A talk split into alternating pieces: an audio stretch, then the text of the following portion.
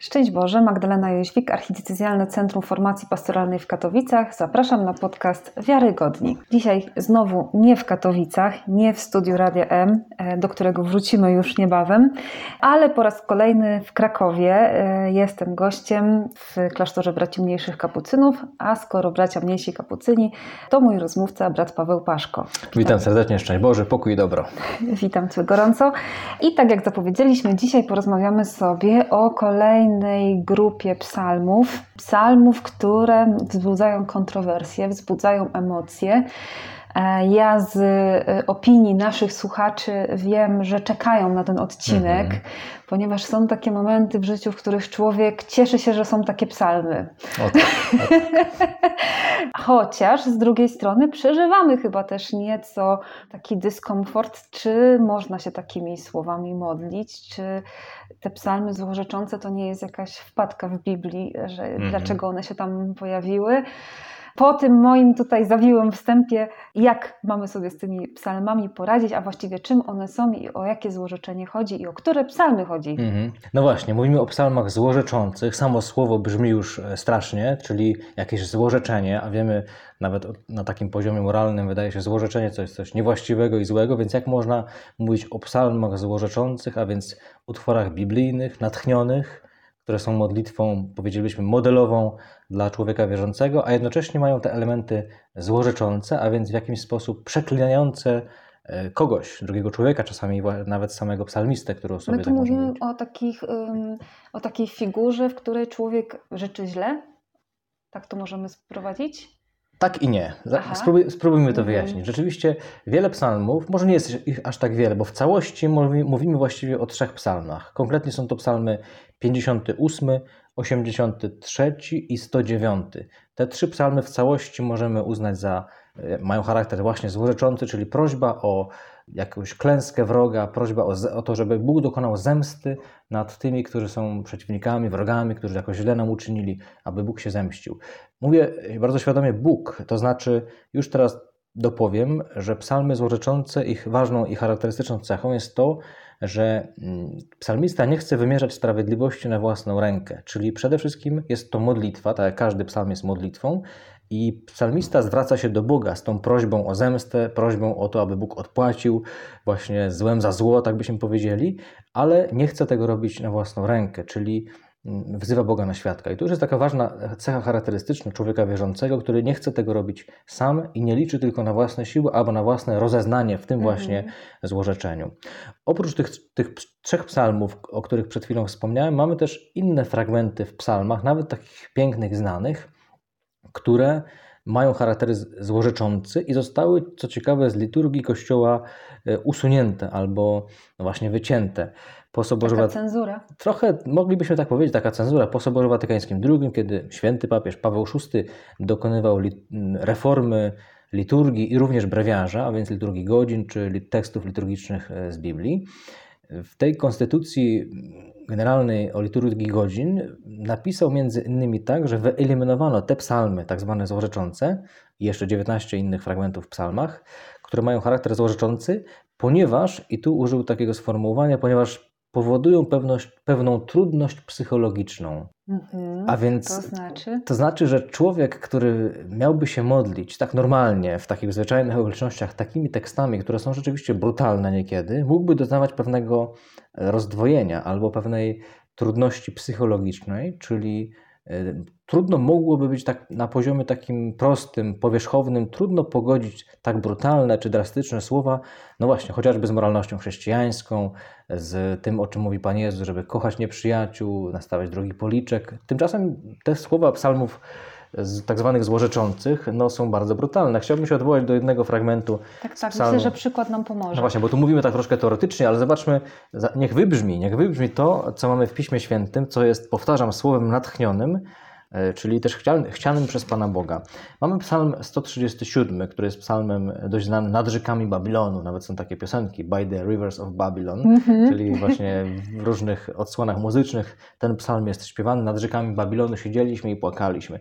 I bardzo często ten psalm śpiewany czy wykonywany jest tylko do wersetu szóstego włącznie. Natomiast od wersetu siódmego do dziewiątego, czyli do końca, te trzy wersety końcowe psalmu 137 mają charakter złorzeczący. I teraz pozwolę sobie je odczytać, abyśmy też no, usłyszeli, niech to, poczuj, poczujmy, niech to wybrzmi. Jest to, y, może tylko kontekst bardzo delikatnie zarysuję, jest to psalm wygnańców do Babilonu, czyli tych, którzy stracili swoją ziemię, stracili też y, możliwość y, wychwalania Boga na swojej ziemi, są wygnańcami w obcej ziemi babilońskiej i tam skarżą się Bogu na swój los i również e, złorzeczą tym Edomitom, a więc tym, którzy pomagali Babilończykom w zburzeniu Jerozolimy, no i także sama córa babilońska, czyli Babilon, jest tutaj widziana jako ta, która musi, musi doświadczyć pomsty Bożej. I właśnie takimi słowami modli się psalmista. Przypomnij, Panie, synom Edomu dzień Jeruzalem, kiedy oni mówili, burzcie, burzcie aż do fundamentów. Córo Babilonu, niszczycielko, szczęśliwy, kto ci odpłaci za zło, jakie nam wyrządziłaś. Szczęśliwy, kto schwyci i roztrzaska o skałę twoje dzieci. Brzmi brutalnie. Tak. Brzmi Roztrzaski, brutalnie. Roztrzaskiwanie o skały dzieci. To jest modlitwa, którą mhm. psalmista mm -hmm. stosuje, kieruje do Boga. Właśnie o taką pomstę, o taką zemstę za to, co, co wróg dokonał. No, wiadomo, że zabicie dzieci, roztrzaskanie o skały dzieci, to nawet sobie trudno wyobrazić. Może sobie nie wyobrażać. Jest, jest, jest równoznaczne z jakimś e, brakiem przyszłości. Ten, czyjego dzieci są właśnie zamordowane, no to już nie ma przyszłości. I o taką właśnie, o taki los psalmista modli się do Boga, o taki los dla wrogów, dla przeciwników. Mhm.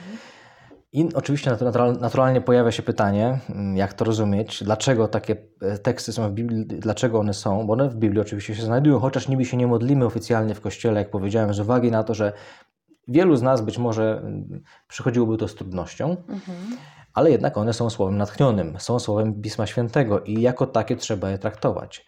W historii y, Kościoła czy w historii interpretacji tego tekstu mm, stosowano różne próby zrozumienia, dlaczego takie słowa są w Piśmie mhm. Świętym. Na przykład próbowano odnieść y, złorzeczenia do samego grzesznika, który mieszka wewnątrz w człowieku, czyli ja, ja sam widząc swój grzech, chcę niejako siebie zastraszyć takimi słowami, żeby nie grzeszyć. Czyli jakby sam siebie trochę przeklinam e, tak na wypadek, gdybym, gdybym grzeszył, gdybym był zły.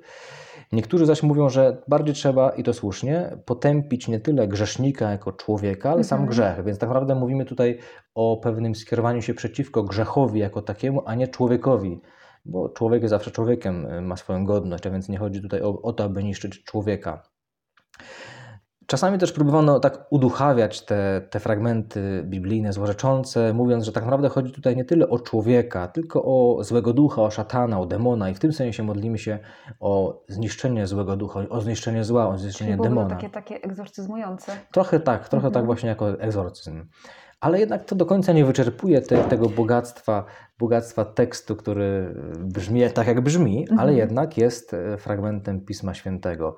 Przede wszystkim, jak wspomniałem, jest to modlitwa i to jest warte zaznaczenia, że ta modlitwa jest wyrażeniem przed Panem Bogiem własnych uczuć. Mamy prawo modlić się tym, co czujemy i tym, co przeżywamy. A wiemy doskonale, że człowiek przeżywa nie tylko e, piękne momenty uniesienia, radości, e, przyjemnych uczuć, ale te emocje niekiedy w człowieku są bardzo trudne, takie, które nam samym trudno przyjąć. Między innymi może to być uczucie zawiści, zazdrości, nawet nienawiści wobec kogoś, jakiejś złości i gniewu nawet furii mhm. wobec jakiegoś zła, którego doświadczamy my albo nasi bliscy. I chyba nikomu nie jest obce takie właśnie uczucie czy taki stan emocjonalny.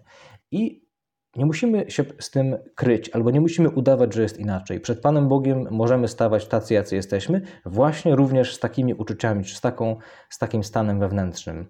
I tak naprawdę psalmista, wyrażając takie uczucia, od strony psychologicznej, można powiedzieć, już się od tego uwalnia. Wiemy, że to, co wyrażone na zewnątrz, to, co wypowiedziane, jakoś jest, mamy, nabieramy do tego dystansu, a więc jakoś się od tego uwalniamy. A więc taka modlitwa też, chociaż w słowach, w treści może być bardzo brutalna i taka przerażająca, ale ostatecznie uwalnia nas od ciężaru tych trudnych emocji, które przeżywamy. I tutaj byłby taki głęboki sens również i wartość możliwość modlenia się takimi słowami. Ostatecznie w tej modlitwie też chodzi o to, aby to oddać Panu Bogu, to znaczy, aby e, nie akceptować zła, nie, nie, nie zamykać na nie oczu, ale oddać to Bogu. To zło, którego doświadczam, oczywiście e, emocje może chciały powiedzieć, że trzeba wymierzyć sprawiedliwość, odpłacić złem za zło, ale psalmista ostatecznie się modli i zawierza Bogu tę sprawę. Nie tylko chce sam to zrobić, ale oddaje to Bogu. I to też ma wymiar e, ważny, duchowy, to znaczy psalmista modli się o to, aby to Bóg przerwał spiralę zła, a nie człowiek. Mhm. Bardzo koresponduje to, co mówisz, z naszą poprzednią rozmową, z takim e, byciem autentycznym przed Panem Bogiem, tak? uznawaniem tych swoich kruchości, ograniczeń, grzeszności, bo mam mhm. czasem wrażenie, że my byśmy chcieli być przed Panem Bogiem tak politycznie poprawni, mhm. tak? tak się no tak. cisi, skromni, zamyśleni i bez e, tych trudnych emocji, nawet nie chcę używać złych emocji, bo one nie mają wartości moralnej, to po prostu mhm, są tak. reakcje w nas, pewnego rodzaju, no po prostu reakcje na, na bodziec, tak? mhm. tak, Stąd to, to, są, to są emocje i może sobie myślimy, że już e, no nie wypada nam na pewnym etapie życia duchowego, hmm. tudzież naszej relacji z Panem Bogiem, ciągle jednak przeżywać jakieś tam stany, stany emocjonalne, Czyli e, jak dobrze zrozumiałam, tych psalmach, w tych słowach takich złorzeczących, przede wszystkim jesteśmy zaproszeni do wyrażania takiej prawdy, tego jak się czujemy, o to chodzi, mhm. nawet takich tych trudnych emocji. Oczywiście, że chcielibyśmy kochać wszystkich jak Pan Jezus, mhm. ale z drugiej strony na szczęście Ewangelie nam pokazują różne stany emocjonalne Jezusa. Dokładnie. Pan Jezus też wpadał w jakieś uniesienie emocjonalne, chociażby wyrzucając przekupniów ze świątyni. E, trudno. No to świętego Piotra też się jakoś nie odezwał. Dokładnie. Zejdźmy, z, zejdźmy z oczu szatanie, mówiąc do świętego Piotra, który przed chwilą wyznał wiarę w Niego jako Chrystusa. No to też nie są słowa miłe ani przyjemne, ale też y, modlił się Pan Jezus z takimi y, uczuciami może już nie gniewu czy nienawiści, ale wielkiego lęku, trwogi, jakiegoś zagubienia. W ogrodzie oliwnym pamiętamy te słowa Pana Jezusa Ojcze, jeśli jest to możliwe, niech mnie ominie ten kielich, a więc modlitwa pełna lęku, pełna jakiegoś prośby o oddalenie tego zła czy cierpienia, a jednak ostatecznie e, wola Boża niech się spełni. Więc widzimy, że sam Pan Jezus też e, nie uciekał czy nie unikał modlitwy, w której obecne są tak zwane uczucia nieprzyjemne, czy takie, których wolelibyśmy e, unikać przynajmniej na modlitwie. Rzeczywiście ta autentyczność stawania przed Bogiem. Wielcy święci też mamy przykłady świętych, którzy modlili się nawet nawet e, czasem prowokacyjnie właśnie, zarzucając Bogu jakieś, jakąś niesprawiedliwość, jakieś zło, dlaczego dopuszcza, dlaczego pozwala na to. Ostatecznie taka modlitwa złorzecząca, czy te słowa złorzeczące też są jakąś, można powiedzieć, prowokacją, tak byśmy powiedzieli, teologiczną wobec Boga, że dlaczego Bóg zgadza się na to zło, a więc ta modlitwa złorzecząca jest jakąś próbą, e, próbą pokazania Panu Bogu, że na zło się nie godzimy i chcemy, żeby On też jakoś tutaj działał przychodzi mi na myśl Hiob mhm. i e, ponad 30 rozdziałów Księgi mhm. Hioba, gdzie Hiob wyraża przed Bogiem różne swoje uczucia. E, I choć gdy czytamy tą księgę, można by było powiedzieć, że e, można było krócej, mhm, to no tak. po pierwsze, a po drugie, no, że też te słowa są bardzo dosadne ze strony Hioba, a jednak mhm. okazał się w tym wszystkim sprawiedliwy do końca, w tym sensie, że no właśnie, że wyrażanie trudnych e, emocji przed Bogiem, nawet no, z jednej strony wiemy, że mamy nadstawiać drugi policzek, modlić się za swoich nieprzyjaciół, bo Ewangelia, prawda, mhm. nam o tym mówi, a z drugiej strony, no czasami jakbyśmy tak hmm pięścią w stół. Tak, no, żeby tylko w stół. to wszystkim byłoby lepiej, a na pewno nam by ulżyło, nie? Tak jest. Że, e, że właśnie mm, w przypadku Hioba to, e, to widzimy, że wyrażanie tych trudnych emocji wcale nie przekreśliło jego sprawiedliwości. Mhm. Wrę, wręcz przeciwnie. Właśnie Hiob to jest bardzo ciekawy przykład rzeczywiście księgi Hioba, która gdy się czyta w całości, może się wydawać faktycznie nużąca, długa i taka, że aż, ty, aż tego... Ile można. Ileż można tak się żalić, ileż można to Bogu wszystko wyrzucać, ale właśnie to jest potrzebne, tak jak e, potrzebne są czasami no właśnie, pana Tadeusza też moglibyśmy streścić w kilku słowach i pewnie są takie streszczenia, ale potrzeba jednak tych 12 ksiąg, aby ta pełnia wybrzmiała. I rzeczywiście tak jest też tutaj.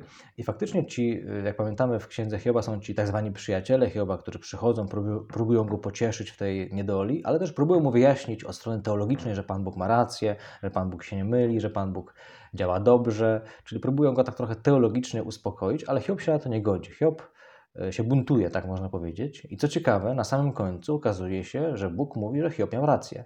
Hiob mhm. słusznie, słusznie wyrażał swoje zdanie, słusznie miał przekonanie o tym, że to, co czuje, co przeżywa, jest takie, jakie jest, i przy tym obstawał i nie dał się przekonać, że jest inaczej. I taką postawę Hioba Pan Bóg przyjął jako właściwą. Natomiast ci przyjaciele, którzy tylko pewnymi, nazwalibyśmy formułkami religijnymi się posługiwali, dla Pana Boga nie byli aż tacy porządni. Mhm. Chyba też tutaj jest kolejna kwestia, która nam wybrzmiewa, kiedy mówimy o trudnych emocjach, trudnych e, jakichś takich naszych przeżyciach przed Panem Bogiem, e, że im szczerzej, im autentyczniej, tym lepiej. To znaczy, właśnie chociaż może te rady przyjaciół, czy jakieś takie teologiczne interpretacje mhm. rzeczywistości one miały sens, w sensie, no, jakby można by było przyjąć taką interpretację, ale okazuje się, że w chwilach cierpienia, zmagania i różnych trudnych rzeczy, które doświadczamy, nie chodzi o teologiczne interpretacje i mówię to ja, doktor teologii. Tak jest. Tylko właśnie o tą autentyczność, nie? że mhm. mamy tutaj jakiś taki poziom innej perspektywy budowania relacji z Bogiem. Nie tylko na tak. poziomie intelektualnym, że ty wiesz, ja wiem, jaki Pan Bóg jest, bo ty jesteś specjalistą od Biblii, a ja od tego, jaki jest Pan Bóg, mm.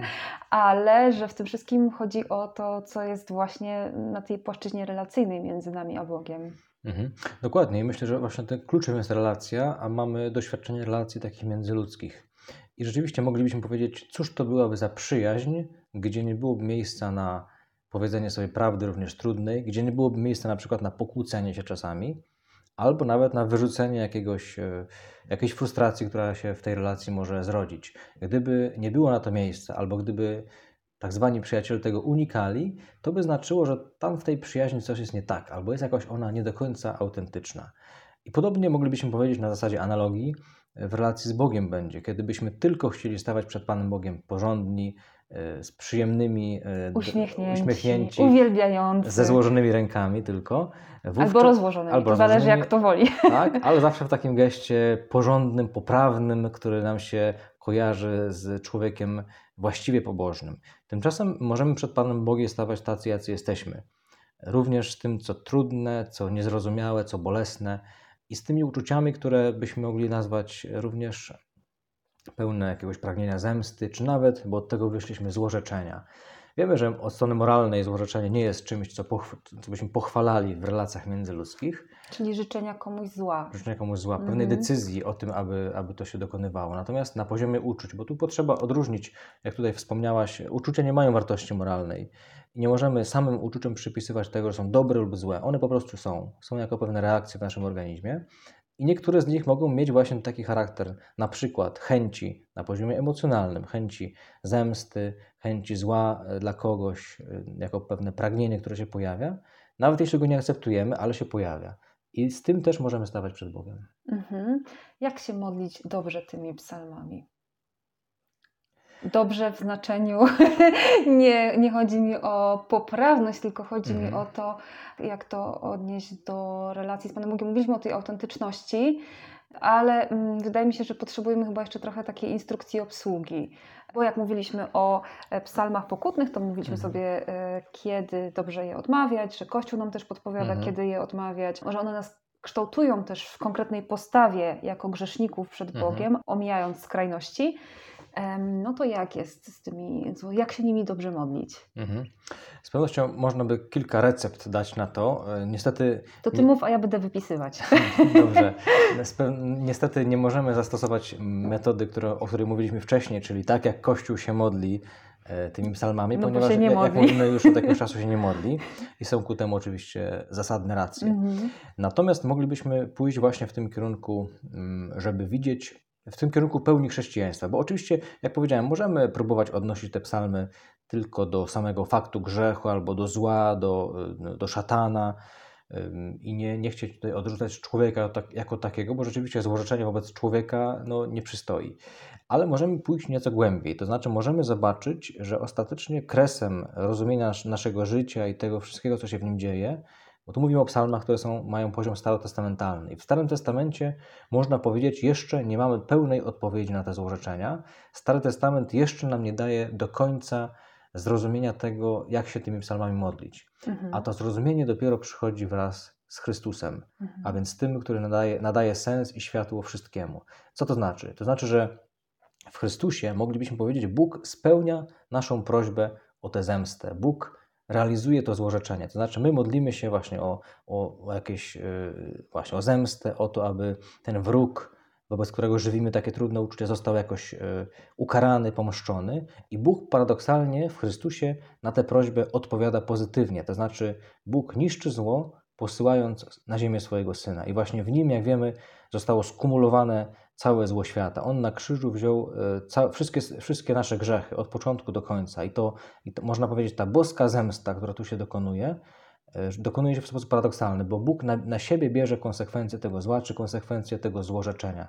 Innymi słowy, to jest e, cudowny paradoks, który Pan Bóg tutaj przeprowadził, że wróg, ten prawdziwy wróg jest pokonany, więc ta zemsta się faktycznie dokonuje poprzez śmierć i zmartwychwstanie Chrystusa, poprzez tego, który wziął na siebie grzech, pokonał śmierć i zmartwychwstał. I możemy powiedzieć, że tu jest tak naprawdę ostateczna odpowiedź, czy jedyna prawdziwa, ostateczna Boża reakcja, czy Boża odpowiedź na te nasze prośby, na te nasze mm, prośby o, o złorzeczenie, czy ta zemsta, której byśmy pragnęli tak po ludzku, rzeczywiście spełnia się, ale w Chrystusie w sposób cudowny i nieprzewidziany, bo Bóg to bierze na siebie. Bóg nie chce y, karać człowieka za zło, ale bierze to na siebie. Mhm. Kiedy to mówiłeś, to sobie tak pomyślałam, e, że ta perspektywa misterium paschalnego, mhm. ona nam pokazuje taką konsekwencję ze strony Pana Boga. To znaczy, z jednej strony tak, wysłuchał tak, tej modlitwy. Dokładnie. Y, czyli rzeczywiście odpowiedział na to, na to wołanie człowieka, a z mhm. drugiej strony jest wierny samemu sobie, czyli nie dokonuje tej zemsty na innym swoim stworzeniu, mhm. bo tutaj zaprzeczyłby sam sobie, prawda? I też tak. autorzy tak. Starego Testamentu mówią nam, że jakby coś mogło istnieć, gdyby Bóg tego nie chciał, tak? To mhm. znaczy nie może być tak, że z jednej strony Bóg wyraża swoją miłość do całego stworzenia, ale potem stwierdza, no jednak, jednak. Przelicz, przeliczyłem się. Przeliczyłem się, nie? Że jakby ta perspektywa, o której powiedziałeś, że to się wszystko wypełnia tak. w Chrystusie ostatecznie, pokazuje, że Bóg jest naprawdę spójny i konsekwentny. Jest wierny, wierny i wysłuchuje naszych próśb, czyli i też jest sprawiedliwy, bo ostatecznie też chodzi o jakąś, to, to nasze pragnienie, często pragnienie zemsty, to złorzeczenie wynika z jakiegoś poczucia niesprawiedliwości, która się dokonuje. I chcielibyśmy, aby Bóg wymierzył tę sprawiedliwość, aby Bóg ukarał zło, aby Bóg jakieś konsekwencje zła wyciągnął. I Bóg to robi, rzeczywiście to robi, ale nie karząc, nie niszcząc człowieka, ale biorąc to na samego siebie, czyli Chrystus, który bierze na siebie, na krzyżu nasze grzechy i całe konsekwencje, całą konsekwencję zła świata. A wywołałeś temat sprawiedliwości, a on nie jest taki prosty. Bynajmniej. Dlatego, że kiedy mówimy o sprawiedliwości, to z jednej strony mówimy o jakimś naszym poczuciu, że sprawiedliwe to jest jakieś, mhm. jakieś konkretne, prawda? Tak. Że kiedy mnie się dzieje krzywda, a tobie nie, to to nie jest sprawiedliwe. Nie, żebym ci życzyła, mhm. ale tak, tak. jednak tak. nie mamy jakieś takie poczucie, że coś jest takiego e, nie tak. Niemniej chyba i to nasze takie poczucie ludzkiej sprawiedliwości oraz to Boże, które mamy w Biblii przedstawione, mhm. chyba ostatecznie się sprowadza do tego, że sprawiedliwość jest byciem zgodnym z zamysłem, z tym mhm. Bożym planem, z tym tak. Bożym zamysłem. No więc kiedy ja choruję, a ty nie, to ja czuję, że ten, to nie jest tak, jak powinno być. To znaczy w takiej, wiesz, koncepcji tego ogólnego planu, no to żeby, że, że Bóg nas chce, mm. wiesz, doprowadzić do, do siebie i do zbawienia. Oczywiście wiemy i użyjemy tutaj tej kategorii, że Bóg dopuszcza te wszystkie złe rzeczy, wiadomo i tak dalej, no ale jednak ta koncepcja e, sprawiedliwości, chyba w jednym i w drugim wypadku, kiedy patrzymy na Bożą sprawiedliwość, kiedy patrzymy na to nasze poczucie sprawiedliwości, ostatecznie się sprowadza do tego, że chodzi o tą zgodność z Bożym planem. E, że mhm. sprawiedliwy to chyba ktoś, kto właśnie żyje po tej myśli Pana Boga, po tej myśli Bożej. Wyciągam ten temat, ponieważ czasami my mm, wchodzimy w takie zbyt uproszczone myślenie o tej sprawiedliwości, tak? To Mhm. znaczy, jak ja mam dwa jabłka, to ty też możesz Tak, mieć dwa, a na pewno się- nie trzy. Tak, tak, rzeczywiście pokutuje takie pojęcie sprawiedliwości, takie bardzo ludzkie, czyli że sprawiedliwość polega na tym, aby każdy miał to, co mu się należy. Ani mniej, E, a ani najlepiej więcej. jeszcze tyle samo. Albo, a to już jest zupełnie tyle samo. Chociaż wiemy, że tak to nie działa i nawet nie powinno tak działać. Mhm. E, Natomiast e, patrząc językiem biblijnym czy objawienia, rzeczywiście sprawiedliwość dotyczy przede wszystkim relacji z Panem Bogiem. I tu byłoby, byłoby to kluczowe. Sprawiedliwy w Biblii to jest ten, który ma właściwą, wie jak mieć właściwą relację z Panem Bogiem i tak ją przeżywa. E, Czyli właśnie Józef był człowiekiem sprawiedliwym, mówi Pismo Święte. Nie dlatego, że każdemu dawał to, co mu się należy, ale Tak. dlatego, że żył we właściwej relacji z Panem Bogiem, był w stanie odkryć jego, odczytać Jego wolę, chociażby przez te słynne sny Józefa i za nią pójść. Na Mhm. tym polegała sprawiedliwość człowieka biblijnego. Dlatego też y, ciągle wracamy do tego tematu kluczowego, który właściwie na którym się opiera cała nasza wiara i sens bycia chrześcijanami, a więc relacja z Bogiem, żywa relacja z Bogiem, budowanie więzi osobistej e, z Bogiem, z Chrystusem, bo na tym się opiera i sprawiedliwość, i wszystko inne, co o, o co ostatecznie chodzi w naszej wierze. Mhm. Czyli tak, podsumowując, nie boimy się uczuć, Nie powinniśmy. Nie powinniśmy. jesteśmy szczerzy, Idealnie byłoby, gdyby tak, gdybyśmy tak potrafili to przeżywać. E, Jak nam brakuje słów, żeby wyrazić, co myślimy, to psalmy złorzeczące jak znalazł. Tak. Ale, Chociaż jest to trudne, nie jest to chociaż łatwe. właśnie jest to trudne, nie jest to łatwe. E, Powiedziałeś o tym, e, o tych receptach, jak sobie te psalmy, mm, jak, jaka jest recepta, żeby je dobrze odmawiać. E, Jest jakiś dobry czas na odmawianie psalmów złorzeczących? Myślisz o porze dnia? Rano, poranek, przed kawą. Tak. No właśnie, przed kawą właśnie. Albo jeszcze, albo przed obiadem, kiedy jest- jesteśmy źli, bo głodni. Jak to Mhm. Polak zły, to Polak głodny. No cóż, trudno powiedzieć. Myślę, że nie ma jakiegoś jednego ani czasu, ani pory dnia, czy pory miesiąca, której te psalmy byłyby najbardziej adekwatne, bo każdy człowiek jest inny. Bardziej może chodzi o pewien etap życia albo moment życia człowieka, kiedy Mhm. przeżywa e, takie trudności, że nie jest w stanie modlić się inaczej, a bywa i tak, że innymi modlitwami już nie jesteśmy w stanie się modlić, że już takie modlitwy wygładzone, czy modlitwy poprawne, takie, jakie zawsze nam były zalecane, już nie działają, albo już nie jesteśmy w stanie nimi się modlić, może to jest właśnie czas, aby sięgnąć po coś innego, po coś jakkolwiek ryzykownego, ale jednak Bożego, bo mamy to w Piśmie Świętym zawarte. A więc o taką modlitwę, która ma ten charakter złorzeczący, ale we właściwym tego słowa znaczeniu. Prośba o Bożą pomstę, a wiemy, że Bóg te, te, tej pomsty dokonuje w sposób cudowny. A masz jakieś, e, jakąś odpowiedź e, na pytanie, dlaczego Bóg nas jednak trochę trzyma w takich momentach e, niewygodnych uczuć? Że to jednak możemy, możemy powiedzieć, że dobrze, no, gniew, rozgniewaliśmy się na kogoś, emocje opadły i już. Ale jednak czasami wchodzimy tacy udręczeni, umęczeni, gniewający się, marudzący, tacy nabuzowani, można by było powiedzieć, Mhm. na wszystko i na wszystkich, łącznie z Panem Bogiem. Nie 5 minut, 10, tylko jednak trochę więcej czasu. Jest jakiś, masz jakąś odpowiedź, dlaczego Bóg nas jednak trzyma trochę w tym? Mhm. Patrząc od strony biblijnej, znaczy pytanie, czy to Bóg nas trzyma, czy sami się trzymamy, bo to też na to trzeba sobie odpowiedzieć. Niekiedy, Mhm. niekiedy sami się o to prosimy, albo z jakich względów, z uwagi na jakieś pewnie korzyści, e, Pielęgnujemy to po- sobie. pielęgnujemy sobie, czy pozwalamy sobie, aby, aby to trwało w nas. Mhm. Ale nie można wyklu- wykluczyć też tego, że jest to jakoś też działanie takie nadprzyrodzone Pana Boga, chociażby w takim kluczu, jak to często w Piśmie Świętym miało miejsce, mia- mianowicie Bóg wystawia człowieka na próbę, a więc stawia przed człowiekiem pewne wyzwanie, po to, aby zobaczyć, aby człowiek, Pan Bóg oczywiście wie, co jest w sercu człowieka, ale takie wyzwanie jest bardziej dla człowieka potrzebne, aby sam człowiek zobaczył, co jest w jego sercu, aby, aby sam człowiek zobaczył, jakie ma granice, na przykład własnej wytrzymałości, aby było to ostatecznie czymś pożytecznym. Pan Bóg zawsze daje nam to, co jest nam potrzebne.